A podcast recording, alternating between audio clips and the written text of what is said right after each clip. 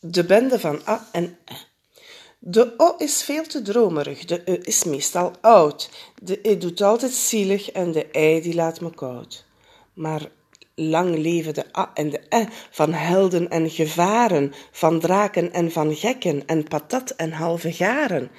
De bende van A en E, van vet en lekker smakken, van warm en zee en zand en samen taarten bakken de O van dom, de E van duf, de E van pil, de E van pijn. Wat was de taal een sukkel als er geen A of E zou zijn?